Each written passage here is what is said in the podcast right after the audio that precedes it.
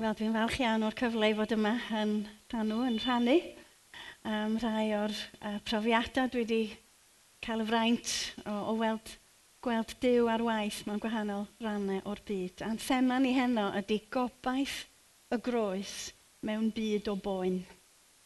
Gobaith y groes mewn byd o boen. Um, nes i rioed planio y mywyd, be o'n i'n mynd i wneud, o'n i'n feddyg, a wedyn o'n i'n seiciatrydd, a wedyn ar y dew arwain fi i adael meddygaeth uh, i fod yn, uh, i gwnsela ac i helpu bobl efo iechad mewnol am rai blynyddoedd. A wedyn dyma'r drws yn agor yn hollol anisgwyl, uh, ges i wahoddiad i fynd i weithio hefo elusen grisnogol um, yn gyntaf yn Liberia yng nghanol rhyfel cartref yno. A wedyn ar ôl hynny, yn rwa, i Rwanda. A ddoth y caniad ar y ffôn deuddeg wythnos ar ôl i'r hil lafiad ddod i ben. Yn gofyn os o'n i'n gallu mynd uh, i helpu yr eglwys yno mewn rhyw ffordd. A um, dwi eisiau dweud, nes i ddim mynd fel cawr ysbrydol o gwbl. Nes i fynd yn llawn ofn ac yn llawn ansicrwydd. Ddim ofn y sefyllfa, ond ofn na fasa gynnau ddim byd i gynnig. A'r noson cyn mynd, o'n i mewn panig llwyr a, a'n meddwl fe fy fedra i ddim mynd. Byddai'n dod o ddar awyren, fydd rhywun yn disgwyl i mi wneud rhywbeth, a, a dwi'n mwyn gwybod lle gychwyn. Mae'r wlad yma, mae'r mae wlad i gyd yn, yn, yn llawn o niwed. Lle fedra i gychwyn? A dwi'n mwyn gwybod faswn i wedi mynd, heblaw bod ffrind wedi dod at y drws i matgoffa fi o stori porthu'r 5,000. A ddari Dyw siarad efo fi trwy hwnna, dyma fo'n deud Rhiannon, dwi'n dal yn ddiw, a dwi'n dal i wybod sut i luosogi rhoddion di nod. A dyma fi'n crio, dyma fi'n deud, o reit, mi gei di'n horthu am mysgod i yna i fynd.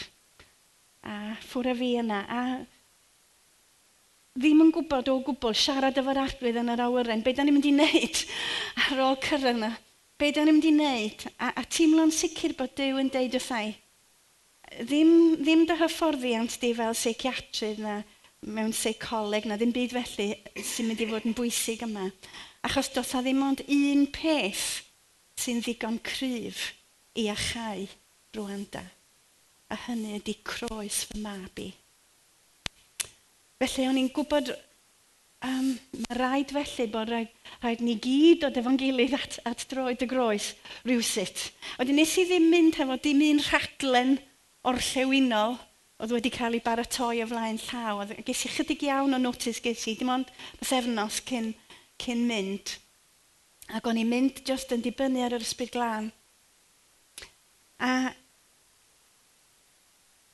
on, un peth o'n i'n yn wybod, oedden nhw wedi cael, o'n i'n gwybod oedden nhw wedi cael um, diwygiad yn, yn rwan da mwy nag un. Ac oedd na ddywediad o gynnyn nhw yn y diwygiad, o'n i'n yn gwybod hyn ar y pryd. A'r dywediad oedd, mae'r tir yn lefel wrth y groes. Mae'r tir yn lefel wrth y groes. Os a neb yn uwch, neb yn is. Mae pawb yn dod ar yr un un lefel at y groes. Wel, o'n i'n cyrraedd yna, o'n i'n edrych o'n gwmpas i, a ni'n mynd gweld dim gobaith o gwbl, anobaith llwyr, poen, dicter, dim gobaith. A wedyn o'n i'n mynd i'r eglwysi, ac yno, oedd y gobaith i gyd yn y nefaith. pawb yn canu am y nefaith, pawb yn siarad am y nefaith. Dim gobaith i'r byd aflan ofnadwy yma. Yr unig gobaith oedd bod ni fod yn amyneddgar, a dal ati ac aros nes bod ni'n mynd i'r nefaid lle o bob peth yn mynd i fod yn wahanol. A dyn oedd gynnyn nhw ddim gobaith i rwan felly, i, i, i'w gwlad a'r cyflwr oedd y wlad yn, ynddi hi. Mae gobaith mor bwysig yn dydy, mae mae gobaith, y gobaith sy'n rhoi'r ynni i ni, mae fath ar injan yn y car. Uh, heb obaith, mae'n rhywbeth yn marw tu mewn i ni. A hyd yn oed, dwi wedi gweld hyn fel meddyg. Mae patients, ac oedden nhw'n gwella. A oedden nhw, os oedden nhw'n anobeithio yn sydyn, byddwch chi, oedden ni'n gallu i hachub nhw o gwbl. Um, wedyn yn llythrenol, mae anobaith yn arwain i farwolaeth. Mae gobaith yn holl bwysig. Wedyn o'n i'n gofyn i ddiw, os gen ti obaith yng nghanol y, y gyflafan awnadwy yma, Achos os nag os gen ti obaith, dwi'n mynd nôl adre. A, a dyma Dyw yn rhoi adnod i meddwl i. Um, adnod o llyfr Rhyfeiniaid. Uh, 1513. A mae'n deud, felly dwi'n gweddio y bydd Dyw ffynhonell gobaith yn llenwi'ch bywydau gyda'r llawenydd a'r heddwch dwfn sy'n dod o gredu ynddo. Ac y bydd yr ysbryd glân yn gwneud i, chi, yn gwneud i obaith orlifo yn eich bywydau chi. A i'n meddwl, deuddeg wythnos ar ôl hi laddiad, pan mae yna gyrff hebu, hebu y claddu'n dal o gwmpas ac arogl marwolaeth yn bob man. Dyw ffynhonell gobaith, ac yn y Saesneg, just the God of hope ydy o, Dyw y gobaith uh, dyna'i enw o, dyna'i natur o. Dio ddim yn gallu bod yn wahanol. Dyna pwy ydy o, dyw y gobaith. A be mae o eisiau ydy mae o eisiau'n llenwi ni hefo'i obaith o. Um, da ni'n cael y gobaith wrth edrych o'n cwmpas wrth wrando ar y newyddion. da ni'n anobeithio'n llwyr, dwi'n meddwl, wrth wrando ar y newyddion. A mae'n holl bwysig bod ni'n derbyn yn gobaith gan ddiw. Da ni'n gofyn i ddiw, be dyd obaith di? A, a wedyn mae o isio i'r gobaith yma o'r lifo ohona ni i blant fel bod y gymuned yn gallu teimlo'n cael, cael blas ar y gobaith sydd yno ni.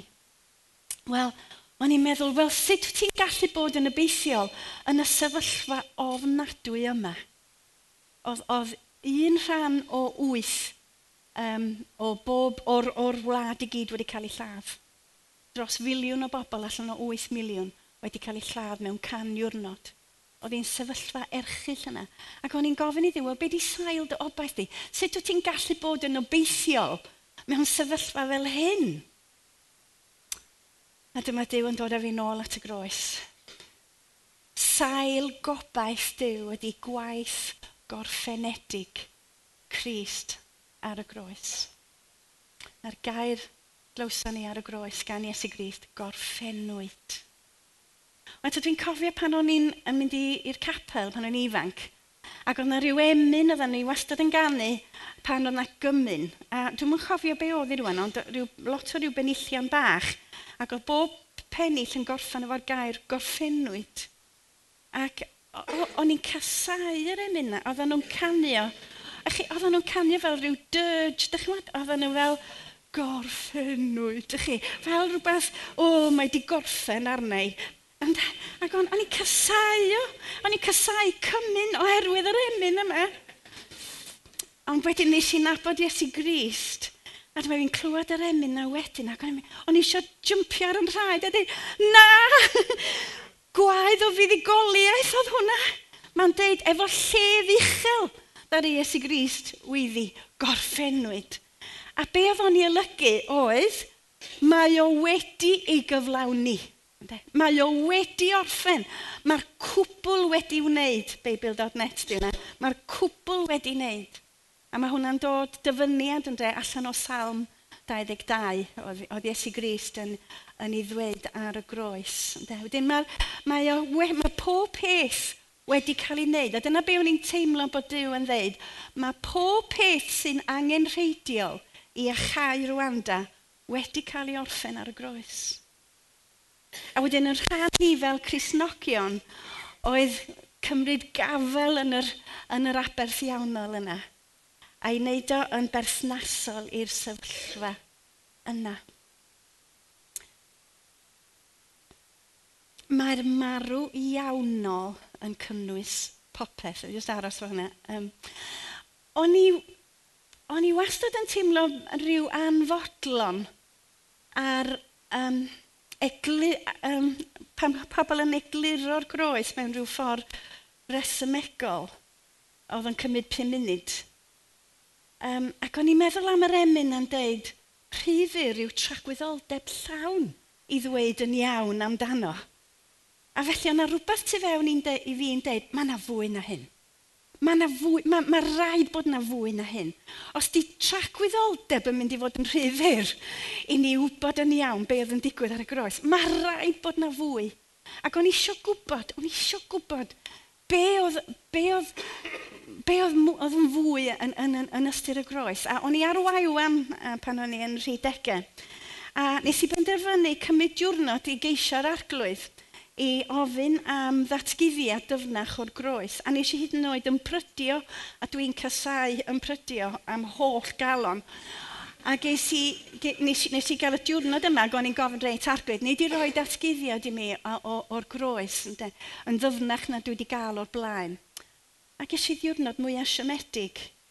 Um, o'n i'n meddwl am fwyd trwy dydd. A ges i ddiwedd y diwrnod, dwi'n meddwl, wel, dyna wastraff. De, hollol wastraff o amser. Swn i wedi gallu byta. De. A... Ond feddwch chi, dwi'n dwi, dwi edrych yn ôl heddiw, a dwi'n meddwl, arglwydd nes di glywed y weddi wan na. Nes di glywed o, achos ti wedi bod yn gwneud hynny rwan ar hyd y blynyddoedd. A dwi'n dal i ddeall mwy a mwy sydd yn y groes be dwi'n ddeall drwy'n ydi bod, mae bod pob peth wedi cael ei gynnwys yn y marw iawnol. Pob peth, nid yn unig yn pechod personol ni, ond pob sefyllfa, pob angyfiawnder, um, pob, bob peth, os a ddim byd na ddar Iesu Grist wneud iawn ar y groes dros fo. Ac oedd hynny'n cynnwys hila fi a drwanda. Oedd Iesu wedi gwneud iawn ar y groes, wedi talu iawn dros hiladdiad Rwanda. a mae ma, ma popeth yna, mae holl ddrychineb dynolryw wedi drosglwyddo i'r Crist croesoeliedig. mae hwnna'n just yn... Eith yn meddwl bach i ddim cymryd hwnna i fewn. Ond mae, mae holl mes y ddeiar, pob peth sydd wedi mynd o'i le, a bobl mae'n a lot wedi mynd o'i le. Mae pob peth yna, a yn Eseia 53-4 mae'n deud, cymerodd ein salwch arno ni ei hun, a diodde'n poene ni yn ein lle. Ych chi, o, o gynnau syniad mor gyfyngedig o'r groes, o'n i'n meddwl, reit, mae, mae, mae wedi cymryd ymhechod i er mwyn i fi medru, fedru mynd i'r nefoedd rhyw ddiwrnod. Ond mae o gymaint mwy na hynny. Mae o wedi cymryd salwch y byd, a, a bobl bach mae'r byd yn sal yn dydy. Ni'n gwrando ar y newyddion heddiw, mae'r byd i gyd yn sobor o sal. Mae, mae Iesu wedi cymryd y salwch i gyd arno fo ei hun, a'n poena ni. Um, a mae hwnna wedi bod mor allweddol yn y gwaith dwi'n neud, ydy sylweddoli bod Iesu Grist ar y groes ddim yn unig wedi cario'n pechod ni, ond bod wedi cario'n poen ni hefyd. Yn dioddefaint ni, mae e wedi cario bob peth sydd wedi dod i'r byd fel canlyniad o bechod yn y byd. Chyd nid pechod ydy'n hunig broblem ni. Mae o'n broblem, broblem enfawr. Ond ddim, dim dyna di'r unig broblem ni. Da ni'n bobl sydd wedi cael yn clwyfo. Achos da ni'n byw mewn byd pechadurus. A weithiau da ni wedi cael yn clwyfo lot fawr oherwydd pechod rhywun arall. A wedyn, lle bynnag mae yna bechod, mae rhywun yn dioddau. A mae yna lot, mae yna gymaint o ddioddefaint yn y byd. A wel, mae di, bod, mae di newid y mywyd i i sylweddoli fod Iesu Grist wedi cario dioddefaint y byd ar y groes yn ogystal a phechod. Phechod y byd. Chi'n cofio ar ddechrau winidogaeth, uh, Ioan Fedyddiwr yn dweud, wel ew yn diw, yr hwn sy'n bwrw ymaith bechod y byd, bechodau'r byd. A dyna oedd un rhan o weinidogaeth Iesu. Ond y tro cyntaf mae Iesu Grist yn siarad yn gyhoeddus am ei weinidogaeth. Yn cofio lle oedd hynny? Yn y synagog, ynddo, yn Nazareth. A dyma fo'n dewis darllen allan o Eseia 61 sy'n dweud bod o wedi dod i, i gysuro y rhai sy'n galaru. Mae wedi dod i roi harddwch yn lle lludw a di dod i achau calona sydd wedi cael ei torri. A dwi'n cofio tro cyntaf nes i ddarllen hon yr adnodau yna a meddwl, fi, y fi, dwi di'n llwyddo, mae nghalon i wedi torri oherwydd gwahanol uh, y dioddefaint yn y teulu ag ati. Um, mae wedi dod i iachau nghalon anghalon i sydd lot o boen. O'n i, o'n i mond yn clywed pregesau am be i wneud efo pechod a, a ddech chi roed eich pechod ar y groes, ac o'n i'n meddwl, reit, wedi gwneud hynny. Ond o'na lot o boen tu fewn i mi, ac o'n i'n gwybod be i wneud efo'r boen yma. A wedyn mae di, ma di newid y mywyd i, i sylweddoli bod Iesu eisiau mi roi ymhoen i gyd iddo fo hefyd. Ddim just ymhechod, ond y boen i gyd. Y dioddefaint, y dicter, y cwestiynau, yr amheuon, bob peth oedd o tu fewn i mi oherwydd mod i wedi tyfu fyny mewn byd pechadurus. Wedyn mae hwn yn allwedd, mae hwn wedi bod yn allwedd mawr yn yn gwaith ni. Nid yn unig, mae hynny'n ddigon, mae hynny'n fendigedig, ond rhywbeth arall ar y groes ydy bod Iesu wedi prynu yn ôl. Mae'r gair Saesneg yn well, dwi'n meddwl, redeemer. Dwi'n meddwl, mae'n anodd gyda ni'n gair gynnu ni prynwr, gwaredwr, ond dwi'n meddwl bod nhw mor gry ar gair Saesneg, redeemer. Ac ystyr y gair redeemer ydy prynu yn ôl. Um, ar ôl i, i, i chi falle wedi, wedi rhoi rhywbeth mewn, falle mewn siop, um, be ddyn nhw, porn, yr siops yma lle oeddech chi'n, y porn broker, yn dweud, oeddech chi'n mynd a, a, a, a gisio pres, wedyn oeddech chi'n rhoi rhywbeth yna. A wedyn falle, ydych chi wedi cael digon o bres i fynd i brynu o'n ôl nes ymlaen os di o ddim wedi cael ei werthu. Ynde? A dyna di'r gair prynu, redeem, y prynwr me. A um, o'n i'n darllen benod ola Leviticus un diwrnod, ac o'n i'n disgwyl bod fi am fod yn excited yn darllen benod ola Leviticus. Ond mi nes i ddod yn excited achos mae o'n sôn am brynu yn ôl gwahanol bethau. A be oedd yn dweud ydy, bob tro ydych chi'n brynu rhywbeth yn ôl, mae rhaid i chi adio uh, 20 y cant at y, at y pris. Chi, pan mae rhywbeth yn cael ei brynu nôl, mae werth o wedi mynd i fyny 20 y cant. Yna, yna be oedd y, y polisi yn yr hen testament. Ne? A ar y groes, wel, i ddechrau mae Iesu ma yes Grist yn hollol realistig yn dydy. Mae'n dweud, mae yna leidr o gwmpas. A mae'r lleidr, y bwriad y lleidr ydy dwy'n a lladd a dinistrio. Ac os da ni'n edrych o gwmpas y, bwyd, y, y byd, mae'r lleidr wedi bod yn llwyddiannus dros ben. Mae wedi dwy'n gymaint o ddi arna ni. Chwyn fan adnod yn dweud bod ni wedi... Um, oh, dwi'n mwyn gwybod yn, yn Gymraeg, mae'n ddrwg yn neud. Dwi fel arfer yn siarad yn Saesneg, mae'n dweud, we've fallen short of the glory of God.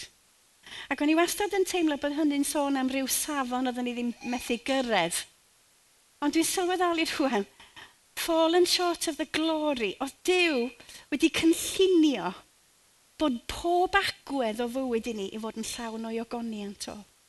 Dwi'n chi feddwl am hynny? Pob agwedd o'ch bywyd chi, jyst yn llawn o ogoniant, Dyw. Designed for glorious living. Dyw wedi cynllunio i ni fyw yn ogoneddus faint, da ni di, faint mae'r lleidr wedi ddwyn o fi arna ni. Yn ofnadwy yn dod. Mae'r ma, trwy'r byd i gyd mae'r lleidr wedi dwy'n. Ond dwi'n diolch i ddew am ail ran yr, yr adnod yma. Iesu Grist yn dweud, ond dwi wedi dod i roi bywyd i bobl a hwnnw ar i orau, yn fywyd ar i orau. Be dwi'n glywed yna, di Iesu Grist yn dweud, dwi eisiau rhoi yn ôl i chi be mae'r llwydr wedi ddwyn oddi arnych chi, a dwi eisiau codi chi i lefel uwch na oeddech chi cyn, cyn, cyn, iddo fod ddigwydd yn y lle cyntaf. A mae hwnna'n thema reit trwy'r Beibl, bod yna golled, a wedyn mae Dyw yn dod i mewn a mae pobl yn, yn y pen draw ar lefel uwch na oedden nhw ar y dechrau. Mae'r thema reit trwy'r Beibl. Um, a glywson ni neithiwr gan arfon, uh, yr addewid bendigedig yma yn Joel, uh, bod o'n, am, mae mi fyddai'n rhoi popeth ar i chi ei golli yn ôl i chi. I will restore to you the years that the locusts have eaten. Ddim mae Dyw yn, yn ddiw sy'n isio adfer i ni. Wrth gwrs, os da ni wedi colli uh, perthnasau, falle bod ni wedi colli'n tai, um, falle nawn ni byth gael yn tai yn ôl, ond ar pethau pwysig – y pethau yn y galon. Mae Dyw yn gallu rhoi hein yn ôl a'i roi o i ni hefo elw a'n codi ni i lefel uwch nag erioed o'r blaen. A dwi jyst yn diolch o galon i ddiw am y gobaith yma trwy'r groes. Achos mae hyn yn golygu allwn ni fynd i'r llefydd mwyaf tywyll, y, y, y llefydd mwyaf erchill, hefo sicrwydd pendant bod yr iawn, y marw iawnol, mae e wedi cynnwys hyn, mae hwn wedi cael, i cael ei dalu ar y groes, a mae Dyw yn gallu prynu yn ôl be mae'n lleidr wedi ladrata. Wedyn mae hwnna i mi, mae, mae, mae dweud yn Rhyfeiniaid 8 bod ni'n gallu bod yn fwy na concwerwyr. Wel, mae bod yn goncwerwyr yn ddigon gwych, dwi'n meddwl, am bod yn fwy na concwerwyr.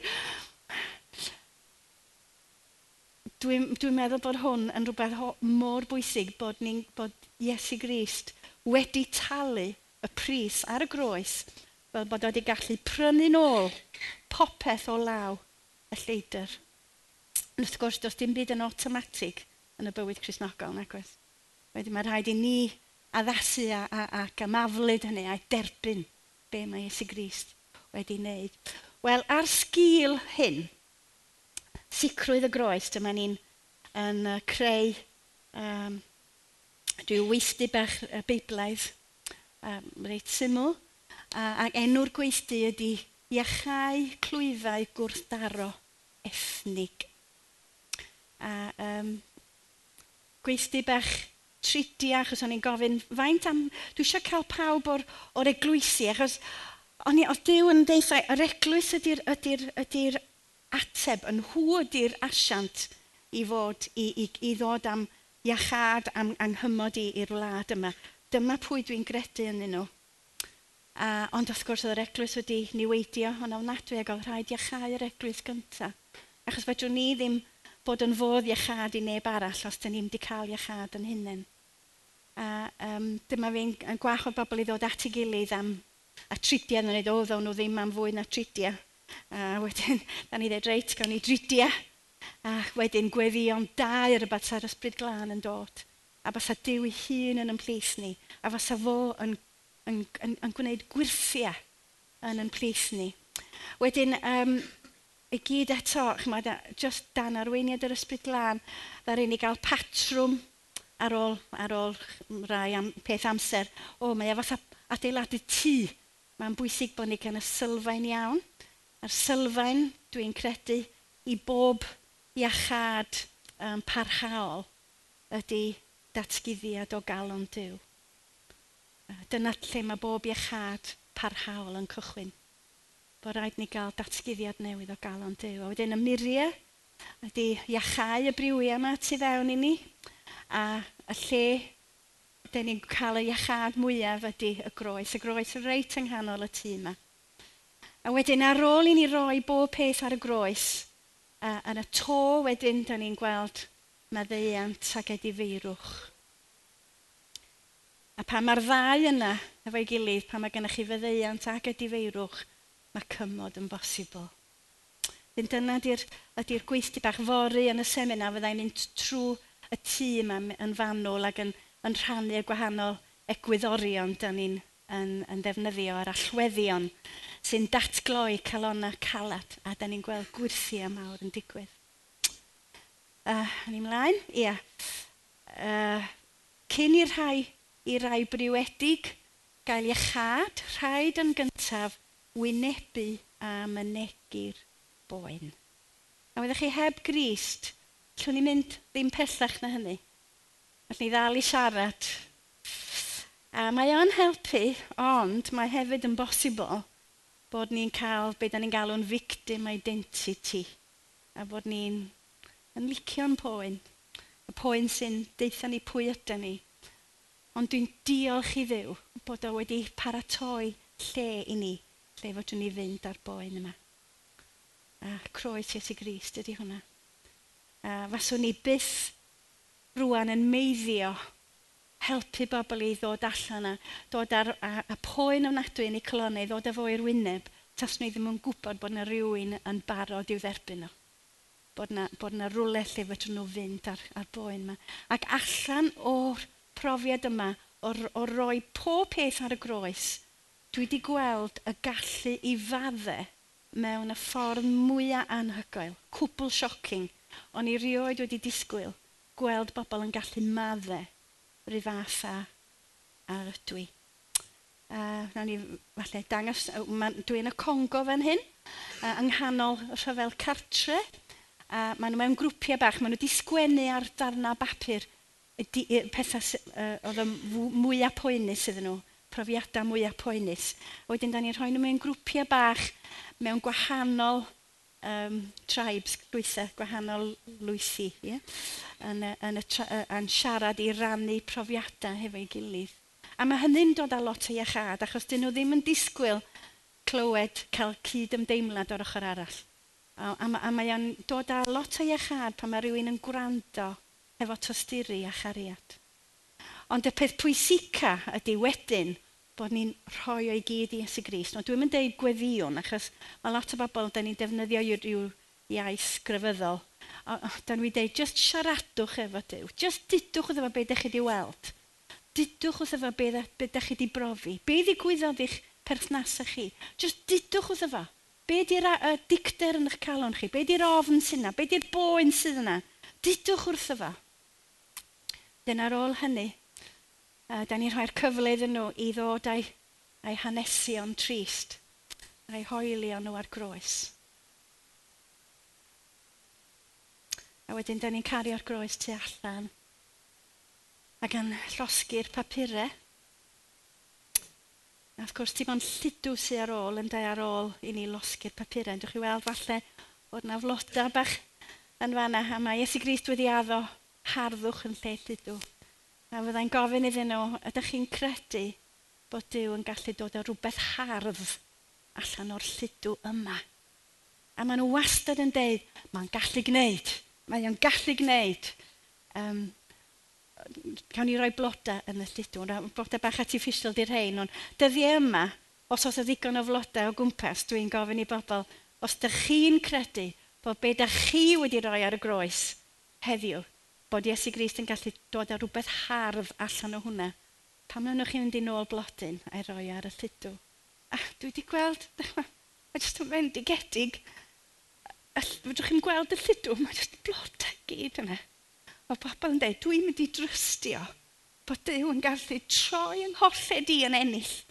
Bod Dyw yn mynd i dod â rhywbeth hardd hyd yn oed allan o'r dioddefaint mawr dwi wedi bod trwyddo fo. Dyma beth sy'n digwydd, ddech chi'n A mae'r ddwy ochr yn dod ac yn rhoi stwff nhw ar y groes. Bod llaw dew yn dad lawr ac yn cofleidio y ddwy ochr.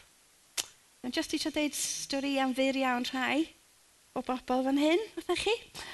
Reit, o mer, yr, y dyn, oedd o mer yn filwr, uh, oedd o'n 20 oed, oedd o'n y goedwig yn Rwanda yn dysgu sut i ddefnyddio gwn i ladd Tutsi.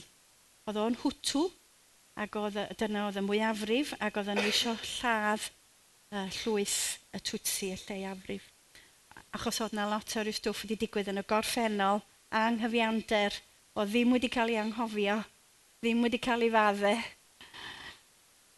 Ac oedd o, o mer yn hwtw yn, yn dysgu sut i, i, uh, i ddefnyddio gwn. A mae horw, A hi, oedd hi'n ddeg oed, a ddari seulu gyd gael ei lladd. Tad ei mam, motrib, hewyr, perthnasu gyd, a blaw gen i ddau frawd ifanc. Ac yn ddeg oed, ddari hi ddechrau bod yn rhiant i'r ddau fab, fachgen bach yma. Oedd hi wedi niweidio yn ofnadwy. Beth bynnag, ar ôl amser dyma'r ddau yn mynd i'r brifysgol a'r ddau, a dyn ni wedi hyfforddi lot o dima yn, yr, yn y prifysgolion, achos yn hwyd i'r arweinyddion nesaf i'r wlad, yn dyn bwysig iawn bod ni'n gweithio yn y prifysgolion. A um, dyma'r ddau yn mynd i weithdu ac yn rhoi pob peth ar y groes. A, ac yn ddau yn ffeindio rhyddid, gollyngdod, iachad, anhygoel. A wedyn yn dod yn ffrindiau mawr, a wedi priodi, a mae gennym nhw ddau o blant bach. Rwan. A maen nhw wedi bod yn gweithio hefo yn tîm ni yn Rwanda rwan ers blynyddoedd. Mae hwn yn fwy anhygoel fys, achos ddari o y dyn ladd teulu i theulu hi. Ac am ddeng mlynedd oedd hi mewn gwewyr, methu trystio neb, methu gadael y tŷ. Ac oedd o wedi bod yn y carchar, ac oedd o wedi cyffesu ac oedd o'n teimlo bai cheiogrwydd ofnadwy a ddim yn gwybod sut i gael gwared o fai cheiogrwydd. A heb yn wybod i'r naill na'r llall, deng mlynedd ar ôl yr hil laddiad, dyma'r ddau yn cael ei gwahodd i'r un un gweithdi. Oedd y tîma, da ni'n hyfforddi tîma lleol yn bob man, o'n i yna. Um, ond ges i y profiad o, ges i'r fraint o gael cwarfod efo nhw nes ymlaen. A ddari hi roi ffoen ar, ar y ar y groes, oedd hi wedi colli, ond na ni ond tri perthynas o'i holl deulu estyngedig hi oedd yn dal ar ôl. Ac oedd hi wedi cael ei threisio gymaint o weithiau, oedd hi, oedd hi um, gan HIV. A, um, na'r i roi ar ôl wylo a wylo cyn bod hi wedi gallu hoelio i ffapur ar y groes. Um, ond teimlo meddai hi rhyw o llyngdod mawr pan ath hi nôl i'w set. A fo wedyn yn dod ac yn rhoi ei ogrwydd ar groes. A be ddudodd oedd, teimlo bod yna law wedi dod o'r nefoedd a wedi glanhau i galon o pan oedd o'n gwneud hynny. A wedyn yn cyffesu, ac e- achos oedd hi ddim yn gwybod pwy oedd di lladd i, i theulu hi, o pawb yn trio ffoi i chi. A dyma fo'n cyffesu. A dyma'n mynd, o, oh, na, dwi wedi rhoi'r boen yna ar y groes i, ddoe. Dwi wedi rhoi ar y groes. A dyma'n cerdded i fyny ato fo, mae'n deud, ti'n ddewr iawn yn cyffesu hyn. Frawd, dwi wedi maddau ti. A dyma i ni gofleidio fo. Maen nhw'n ma nhw cydweithio rwan yn y, yn y gymuned yn mynd at y, y dioddefwyr ac yn mynd at uh, y carchar, carchar orion sydd wedi dod allan o'r, or carchar. Mae gennym ni nifer o dimau rwan yn Rwanda lle mae uh, bobl oedd wedi lladd a bobl oedd wedi colli i teuluoedd yn cydweithio. A dyma uh, o det mewn pink fan hyn. Oedd y det, twtsi ydi o det, a oedd ei gŵr hi a ei phlant i gyd ond un wedi cael ei lladd yn yr hiladdiad. afiad. A mae o det reit o'r dechrau a ddar i ddeud dwi eisiau bod, dwi eisiau gweithio dros heddwch yn rwanda. Nes i chwarfod hi, y tro cyntaf i nes i yna, dim ond deuddeg wythnos ar ôl yr hiladdiad dod i ben. A dwi'n cofio hi'n deithau a dagono, dwi eisiau bod yn, am, yn um, uh, be di ambassador yn Gymraeg? Un, un, llys genad, dwi eisiau bod yn llys genad heddwch yn, yn Rwanda. A, a, a, a hi weithdi, a mwy nag un gweithdi, ddari gael iachad mawr. A weddech chi bod hi wedi, ddari hi fabwysiadu uh, plant am ddifat i gymryd lle i phlant hi oedd wedi cael ei lladd. Ond nid y plant am ddifad o'i llwyth hi, ond y plant am ddifad o lwyth y gelyn.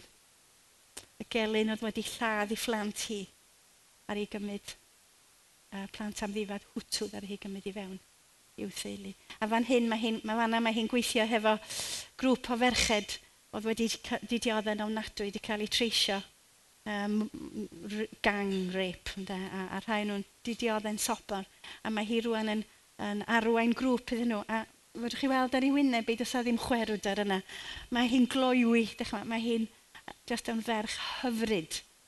Um, Fasai hi, fasau bywyd i'n gallu bod yn wahanol iawn i hyn.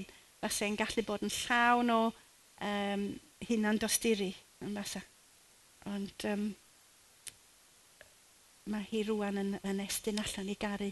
A mae hi wedi bod yn gweithio hefo'r, hefo tîma ni am flynyddoedd hefyd ddim just yn Rwanda, byddwch chi lle mae fan hyn, Afghanistan. Efo bobl, oedden ni'n gorfod gweithio'n gwbl guddiedig, cymryd risgs mawr. Am bobl anwyl yma wedi dod i gredu yn Iesu Grist. A os, nhw, os na rhywun ydy'r llywodraeth neu rhywun y ffeindio allan y gos bod i marwolaeth i adael Islam.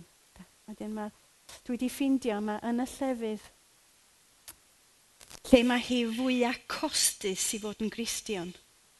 Dyna lle dwi'n gweld y Crisnogion hardda. Yn mlaen. A da ni rwan yn Sri Lanka. A ni'n Sri Lanka a, a darganfod bod rhaid i mi gael cyfieithiad i ddwy iaith uh, simultaneously felly wedyn a addaren nhw. A wedyn pan oedden ni wedi cychwyn dysgu a wedyn deall bod y rhai oedd yn cyfieithu ddim yn grisnogion. A un ohonyn nhw'n hindw a'r llall yn bwdist. A mae bobl bach, dwi'n dysgu'r Beibl. Be, be mae mynd, sut maen nhw'n mynd i wybod be i ddeud? A chwad, o, o, dipyn o chaos i ddeud y gwir, ond oedden ni wedi dod i'r rhan yn y, yn y gweithdir y, y, y dydd canol uh, lle dyn ni'n mynd ar, ar, ar rhoi pob peth ar y groes. Ac o'n i wedi bod yn dysgu bod Iesu Grist wedi dod i gario pechod a ffoen a holl, uh, holl drychineb dynol rhyw, bod wedi dod i gario fe i gyd. Ac um, o'n i, o bobl di mynd i grwpiau bach i rannu i styrion y fe gilydd ac i weddio dros i gilydd. A dyma'r dyn yma sydd ar yr, ar yr, yr, yr un efo Cris clwyd fanna, uh, gwall gwyn. Dyma fo'n dod ata i, mae fo'n deud, dwi rioed wedi clywed dim byd tebyg i hyn yn y mywyd o'r blaen. Mae ma, ma fendigedig bod yma'n clywed y geiriau anhygoel yma. Um, dwi'n hyn dŵm yn yma. Ond, please, fasach chi'n caniatau i mi roi ymhoen ar y groes hefyd. Debyg iawn debyg iawn mae'r groes i'r byd. Felly y carod diw y byd. Cewch siŵr, gewch chi fynd, gewch chi roi, gewch chi roi, gewch chi roi, beth bynnag liciwch chi ar y groes. A, a wedyn y boi arall yma, yr ochr acw, bwtist oedd o. Ac oedd o just yn dal i ddeud, amazing, amazing, amazing. Dyn dan ni'n gweithdi beiblaidd ydi o. Ond o'n i wastad yn dweud, peidiwch bod ofyn, rydych chi wachodd bobl o ffydd eraill, eglurwch, uh, mae gweithdi beiblaidd ydi o, o bod croeso iddyn nhw ddod i, i weld, chi mae be mae Crisnogion yn gredu, mae croeso iddyn nhw. Um,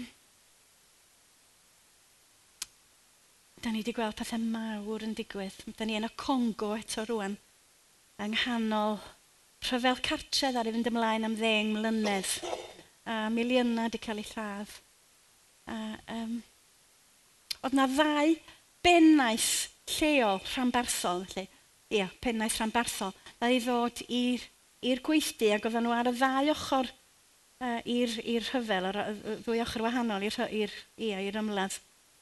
A dyma'r ddau yn dod at y groes ac yn cael cymodi wrth y groes. Wedyn dyma nhw'n ffonio y tîm lleol a dyma nhw'n dweud, wel, da ni wedi cael yn cymodi y ddau ohono ni. Wel, da ni wedi blino mae'r rhyfel, mae wedi'n mynd ymlaen am ddeng mlynedd rwan. Um, os nawn ni ddod ar peneithiaid rhanbarthol i gyd at ei gilydd, tia, mae pedwar ar hugen, dwi'n meddwl ohonyn nhw, yn, yng ngogledd uh, ddwyreiniol Congo. Os dawn ni a heini at ei gilydd, a hefyd falle'r plismyn, a uh, fyddin a llywodraeth leol, nawn ni ddod â nhw at ei gilydd. Newch chi plis fynd â ni gyd at y groes. Da ni eisiau'r y feddiginiaeth sydd gennych chi i gynnig. A mae'r tîm ebyn hyn, oedden nhw wedi gweld gymaint o wirthiau yn digwydd, dyma nhw'n dweud, o, gnawn, gnawn. Ond, mae rhaid ni gael gweddi gyntaf. Gweddi bedair awr y dydd, saith diwrnod yr wythnos am dri mis. Mae rhaid concro hyn mewn gweddi gyntaf. A dyn, dyma nhw, o gynnyn nhw dim a gweddi, oedden nhw, ac oedd bobl yn gweddio round y cloc fel yna am dri mis. A wedyn dyma nhw'n cael y gweithdi yma. A fan hyn, da chi'n gweld uh, bod y peneithiaid a'r fyddin a ambell filwr ag ati yn mynd a pechod a phoen o'r glwyfa i gwahanol lwythi nhw ac yn hoelio nhw ar y groes. A diwrnod wedyn, oedden nhw'n gafel mewn dwylo mewn cilch efo'r tîm ac yn gofyn meddeiant i'w gilydd oherwydd y rhyfel i rhan nhw yn y rhyfel ac yn addo bod yn ffrindiau o hyn ymlaen. Ac o fewn wythnos oedd yr hyfel ar ben yn y rhan yna o Congo. A dydy o byth wedi ail gynnig yn y rhan yna o Congo. Mae rhannau eraill o'r Congo maen nhw dioddau llawer iawn, ond yn y rhan yna sydd yn, dwi'n meddwl fedrwch chi ffitio rwan dar o'n i'n faint o weithiau i fewn i'r deuddeg gwaith neu rhywbeth i fewn i'r just i'r rhan yna o'r Congo. Um, a fan hyn, mae yna milisia. Milisia oedd wedi cyflawni canibaliaeth. Achos oedden nhw'n credu, os oeddech chi'n byta rhannau o'r corff dynol, basa fo yn amddiffyn chi rhag y bwlets. A dwi eisiau deitha chi mae'r stwff yma'n real.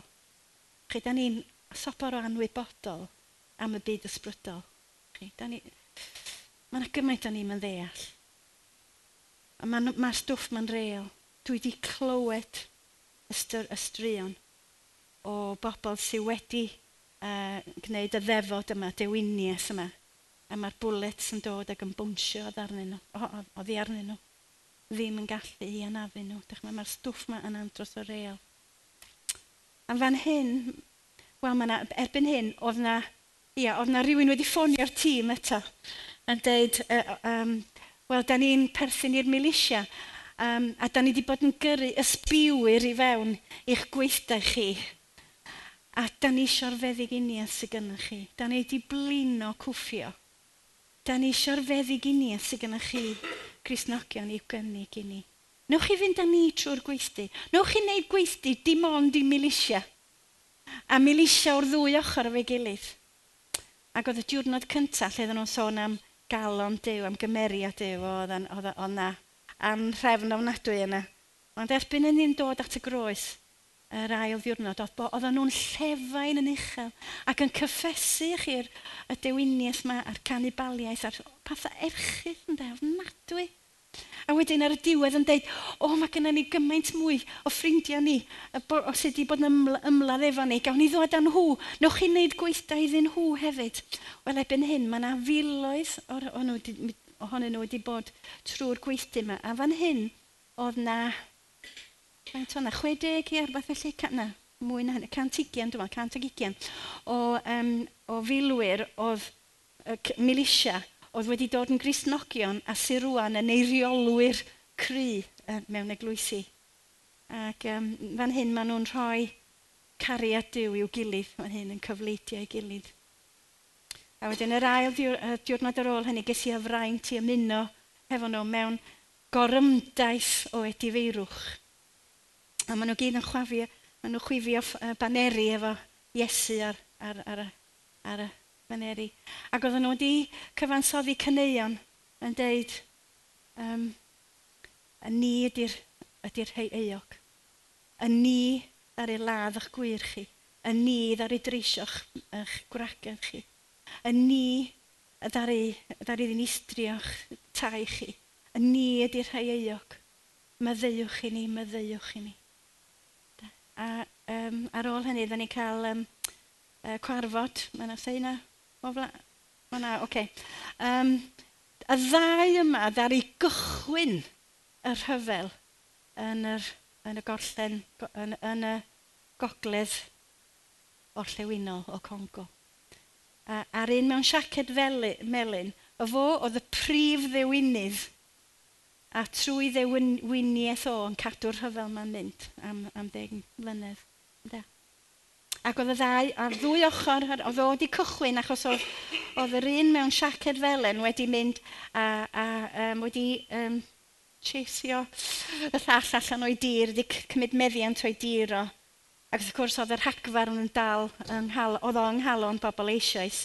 Oedd o'n cymryd lot, ond y, y, y, y digwyddiad yna oedd y fatchen ddaru ffrwydro ac o fewn pedwar diwrnod o'n ryfel cartre yn yr, yn yr ardal fawr yna i gyd, ath ymlaen am ddeng mlynedd. Ac oedd y ddau ar, ar ddwy, uh, yn, yn arwain dwy garfan o milisia. A wedi lladd, y ddau wedi lladd gymaint o bobl. A'r ddau, fo, yr un yn y siaced felyn oedd y cyntaf i droi at Grist. Chymod y prif ddiwynydd. Um, os yna neb yn rhy anodd i'r efengil, os a neb yn amhosibl i ddew. E chief witch doctor, chief sorcerer, yn yr hanbarth i gyd.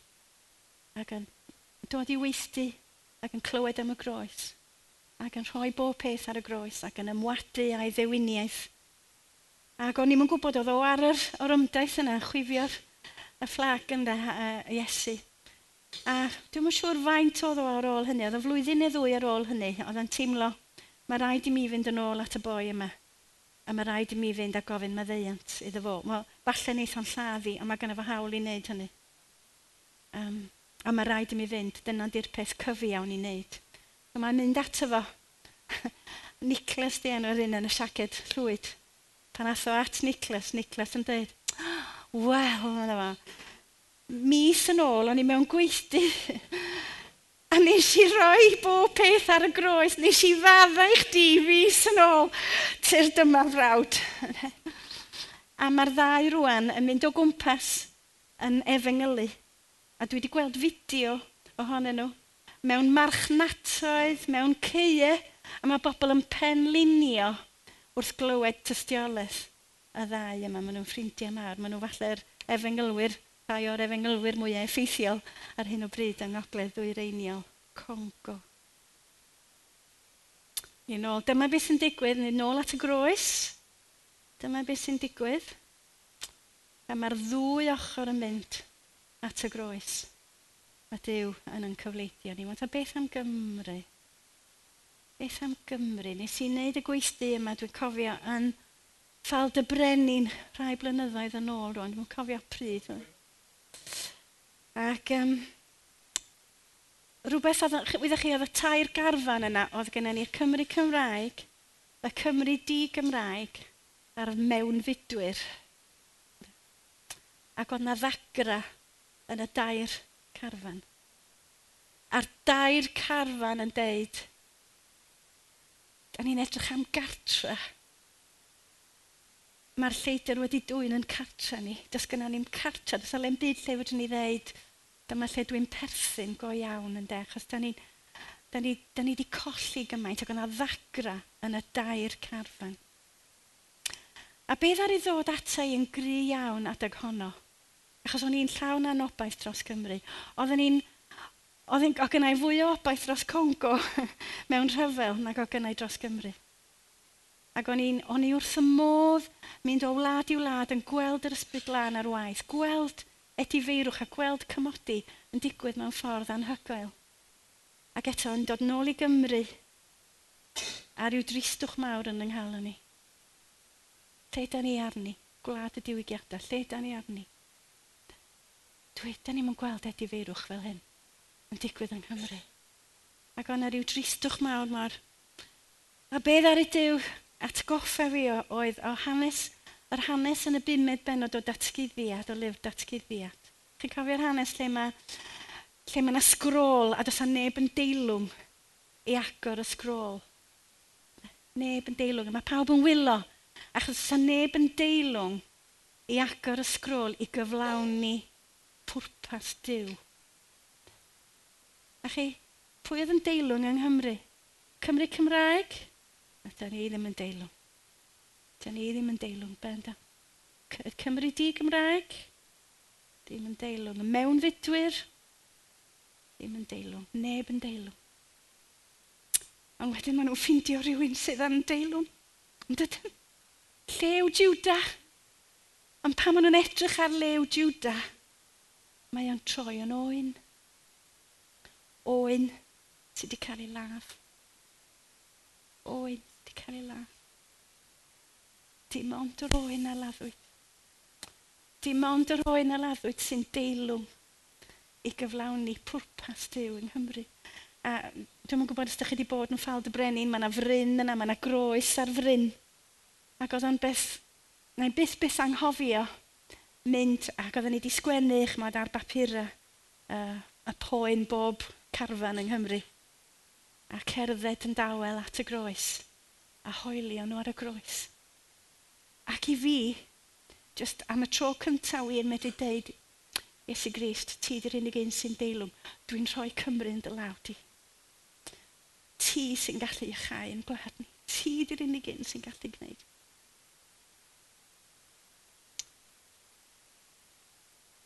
Nid oes arnaf gwylydd o'i groes. Dwi'n diolch am y groes heb y groes fysa gen i ddim gobaith i fynd i unrhyw le lle mae yna ddioddefaint ac angyfiawnder a phechod ac anghydfod a bob trychineb.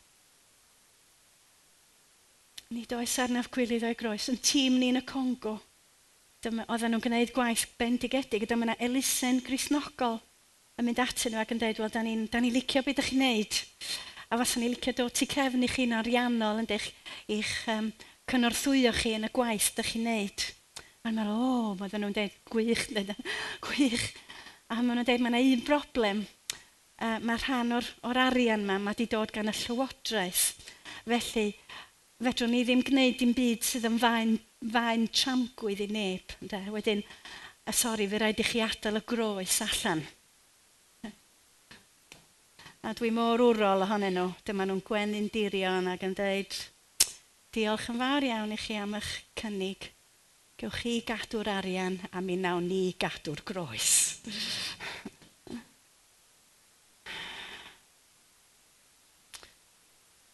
dwi newydd ddod uh, deng diwrnod yn ôl yn cyrraedd yn ôl o Myanmar, y uh, glad oedd yn ca arfer cael ei galw yn Burma. Um, glad Dyma yna gymaint o ddioddau wedi bod. Llywodraeth a'r uh, llwyth mwyafrif uh, yn, wedi gormesu gymaint ar gymaint o llwysi bach eraill. De, lot o anghytfod. Mae un llwyth yn y gogledd lle maen nhw'n dal i ymladd a maen nhw wedi bod yn ymladd mewn hyfel, rhyfel cartre yn erbyn y llywodraeth am 60 mlynedd. Yn yn gweithdi ni, ac oedd na, oedd na um, peace talks wrth diwetha yn Thailand, ond oedd y llwyth yma wedi dweud, da ni ddim yn mynd. Da ni, wnaeth am helpu ni, Da, Da ni'n ni, ni eisiau bod yn rhan o hyn o gwbl. Wel, yn y gweithdi, o gennym ni bedwar Christian o'r llwyth yna o'r gogledd. Ac un ohonyn nhw wedi bod yn filwr am ddeugain mlynedd yn ymladd yn y myddin y rebels yn erbyn y llywodraeth. A hefyd o gynnu ni grŵp bach o'r un un llwyth ar llywodraeth. Uh, oedd y rhan fwy yn nhw, oedd y Karen, y, y bobl o lwyth arall, ond, a, a gwahanol lwythi eraill, ond oedd y ddau lwyth yna, bedwar o bob un yna. Oeddech chi ddaryn nhw roi bob peth ar y groes? Ar nhw hoelio bob peth ar y groes, ar nhw ymddiried i sefyllfa i Iesu Grist ar y groes. A wedyn, oedd o'n dod at y pnawn ola. Ac o'n i, o'n i eisiau gweld amser agored o edifeirwch yn cymryd lle. A dyma fi'n awgrymu bod bob llwys yn mynd i fewn i grŵp ac y tro yma ddim jyst yn gwneud rhestr o'i holl golledion a'i holl glwyddau, dyna beth nhw wedi rhoi ar y groes o blaen. Ond tro yma bod nhw i wneud rhestr o beth nhw eisiau gyffesu a be oedden nhw eisiau gofyn maddeuant rhywun arall amdan.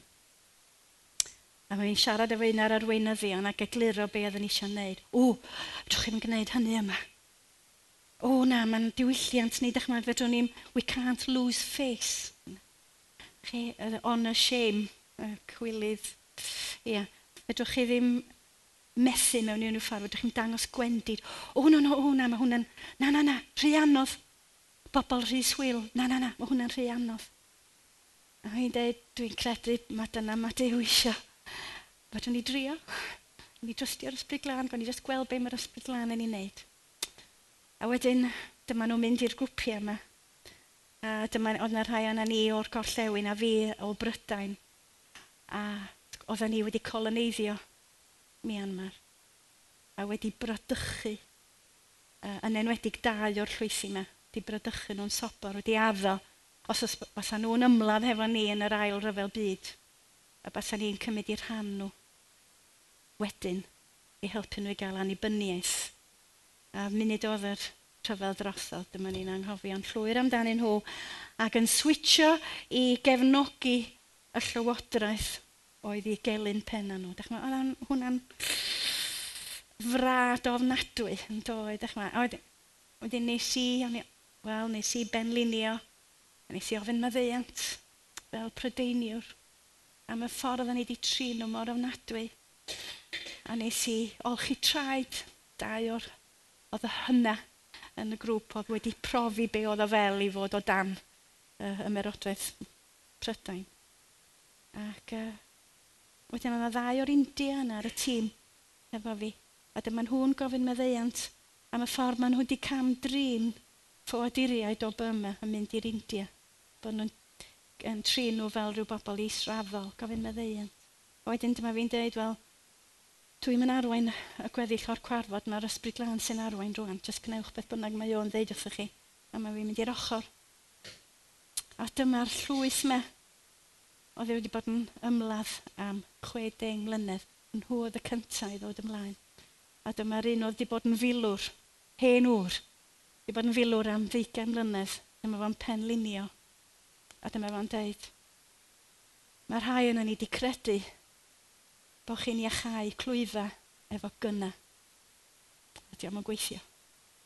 Diolch ond yn gwneud bob peth yn waith. A dwi eisiau gofyn, dwi eisiau cyffesu rwan, dwi eisiau gofyn myddeiant y y, y gweddill ohonych chi oherwydd yr holl ymladd sydd wedi mynd ymlaen i fyny yn, yn yn rhan ni o'r la. A dyma'r llwyth oedd yr un llwyth ar llywodraeth yn dweud, na ni di rei sydd dylai fod yn, yn ymddiheiro, ni ddyle fod yn, ymd, yn edif ar. A dyma nhw'n dod allan ac yn penlinio i gyd ac yn cyffesu pechoda y llywodraeth ych chi ac yn dweud, dyn ni'n gofod gofyn maddeuant pawb achos da ni wedi gormesu pawb arall. A wedyn dyma pobl yn dechrau cofleidio ei gilydd ac yn enwedig y llwyth yma oedd yn dal mewn rhyfel cartre a'r pobl y llywodraeth yn cyfleidio. Ac ar ôl hynny, dyma bob llwyth yn dod ac, ac yn gofyn am fyddeiant. Wel, oedd o'n anhygoel chi. Oedd, a o'n i'n gofyn yn, nhw, oeddech chi wedi disgwyl hyn? O na, oedden ni'n mwyn gwybod bas o hwn yn byth yn bosibl yn ymhlith ni. A mae fi'n dweud, dwi, dwi eisiau anrhydeddu chi, achos da chi wedi gwneud rhywbeth sy'n gwbl groes i'ch diwylliant chi. Dwi'n gwybod bod wedi costio i chi, ond dwi eisiau deud rhywbeth ydych chi mae'r angylion yn llawenhau yn y nefoedd, lle bynnag mae yna edifeirwch. A um, mae'n deud, dwi'n credu bod beth sydd wedi digwydd yma, pnaw yma, yn mynd i gael argraff, ddim jyst arna ni yn yr stafell yma, ond dwi'n credu mae wedi gwneud rhywbeth yn y nefolion leoedd uwch ben y wlad yma. Pnawn di Gwener o hynny. Di llun wedyn, Dyma un o beneithiaid y fyddin rebel yn cyhoeddi bod yn teimlo bod yn amser i'r rhyfel ddod i ben. A tridia eto ar ôl hynny, dyma fo ar ar y radio, bod y llwyth wedi cytuno rwan i ymuno yn y peace process.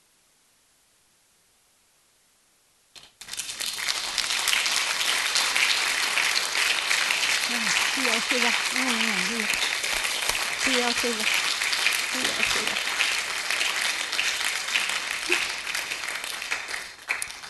Oedd na neb yn gwybod be oedd wedi digwydd.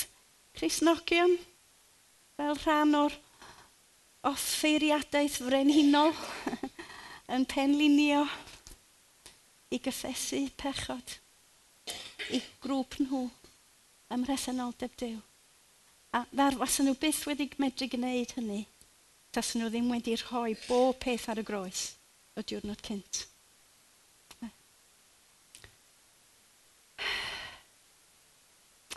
Na dim ymddiried, trafwydd byw, ond yn dangau di fy niw. Dy bwynau di, a farwol glwy, gaeth fod yn ymffrost i mi mw. peidiw'n byth a bod cwilydd o groes Iesu Grist. Dyma nerth Dyw, ynda? Dyma nerth Dyw. Mae'n ffolineb i'r groegion, Mae'n o'n fain tramgwydd i'r iddewon, meddai Paul, ond i'r rhai sy'n credu. Nerth Dyw ydi o, grym Dyw ydi o. A Pet, Paul yn dweud, dwi'n misio siarad am ddim byd yn eich plith chi, a blaw am groes Iesu Grist. Am groes Felly, Gymru, fedrwn ni gredu hyn oherwydd aberth y groes yma, mae holl broblemau Cymru wedi cael eu cynnwys yn marw iawnol y groes. Mae Iesu Grist eisoes wedi talu'r pris dros holl broblemau Cymru. A mae tosturi Dyw yn anhygoel o fawr tuag at ni. Tuag at y byd.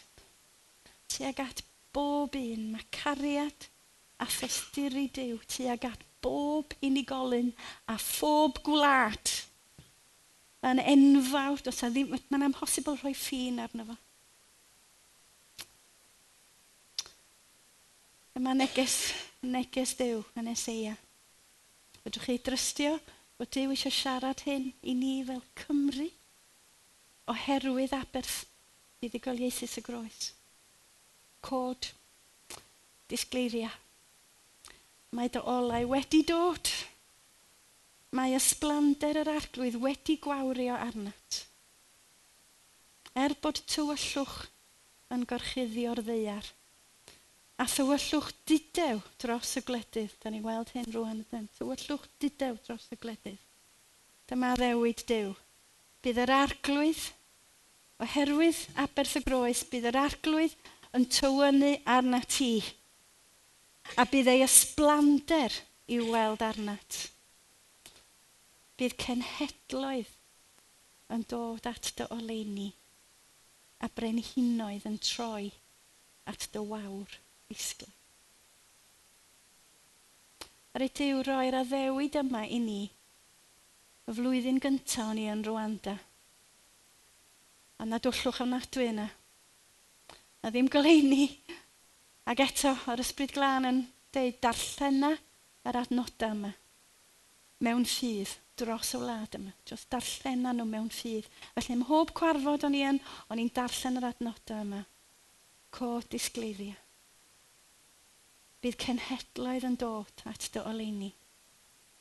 Byddwch chi bellach, da ni'n gallu cynnal ysgol rhyngwladol gymodi yn Rwanda. Mae bobl yn dod o bob rhan o'r byd i, i ddysgu o'r wrth y goleini yma. Mae rhai o bobl ddiw wedi ddarganfod yng nghanol, yn, yng nghanol cyflafan Rwanda. A wedi chi, mae bobl yn dod, yn dydyn, mae bobl yn dod i Gymru, o, oh, da ni eisiau dod achos gwlad y diwygiadau.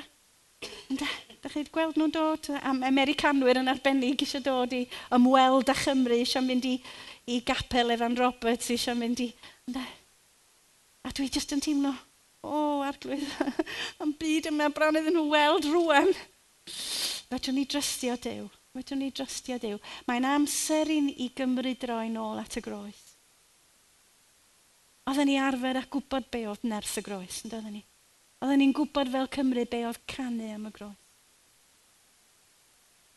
Dyma'n gobaith ni fel Cymru, bod ni'n ail ddarganfod grym y groes fel cenedl. A holl bechodau, a holl bwynau, a holl glwyfau. Angyfiawnder, bob peth, bod bob peth yn cael ei hoelio ar groes Iesu Grist. A dyna'r lle lle byddwn ni'n medru gweld gwirthiau yn digwydd. Diolch iddo.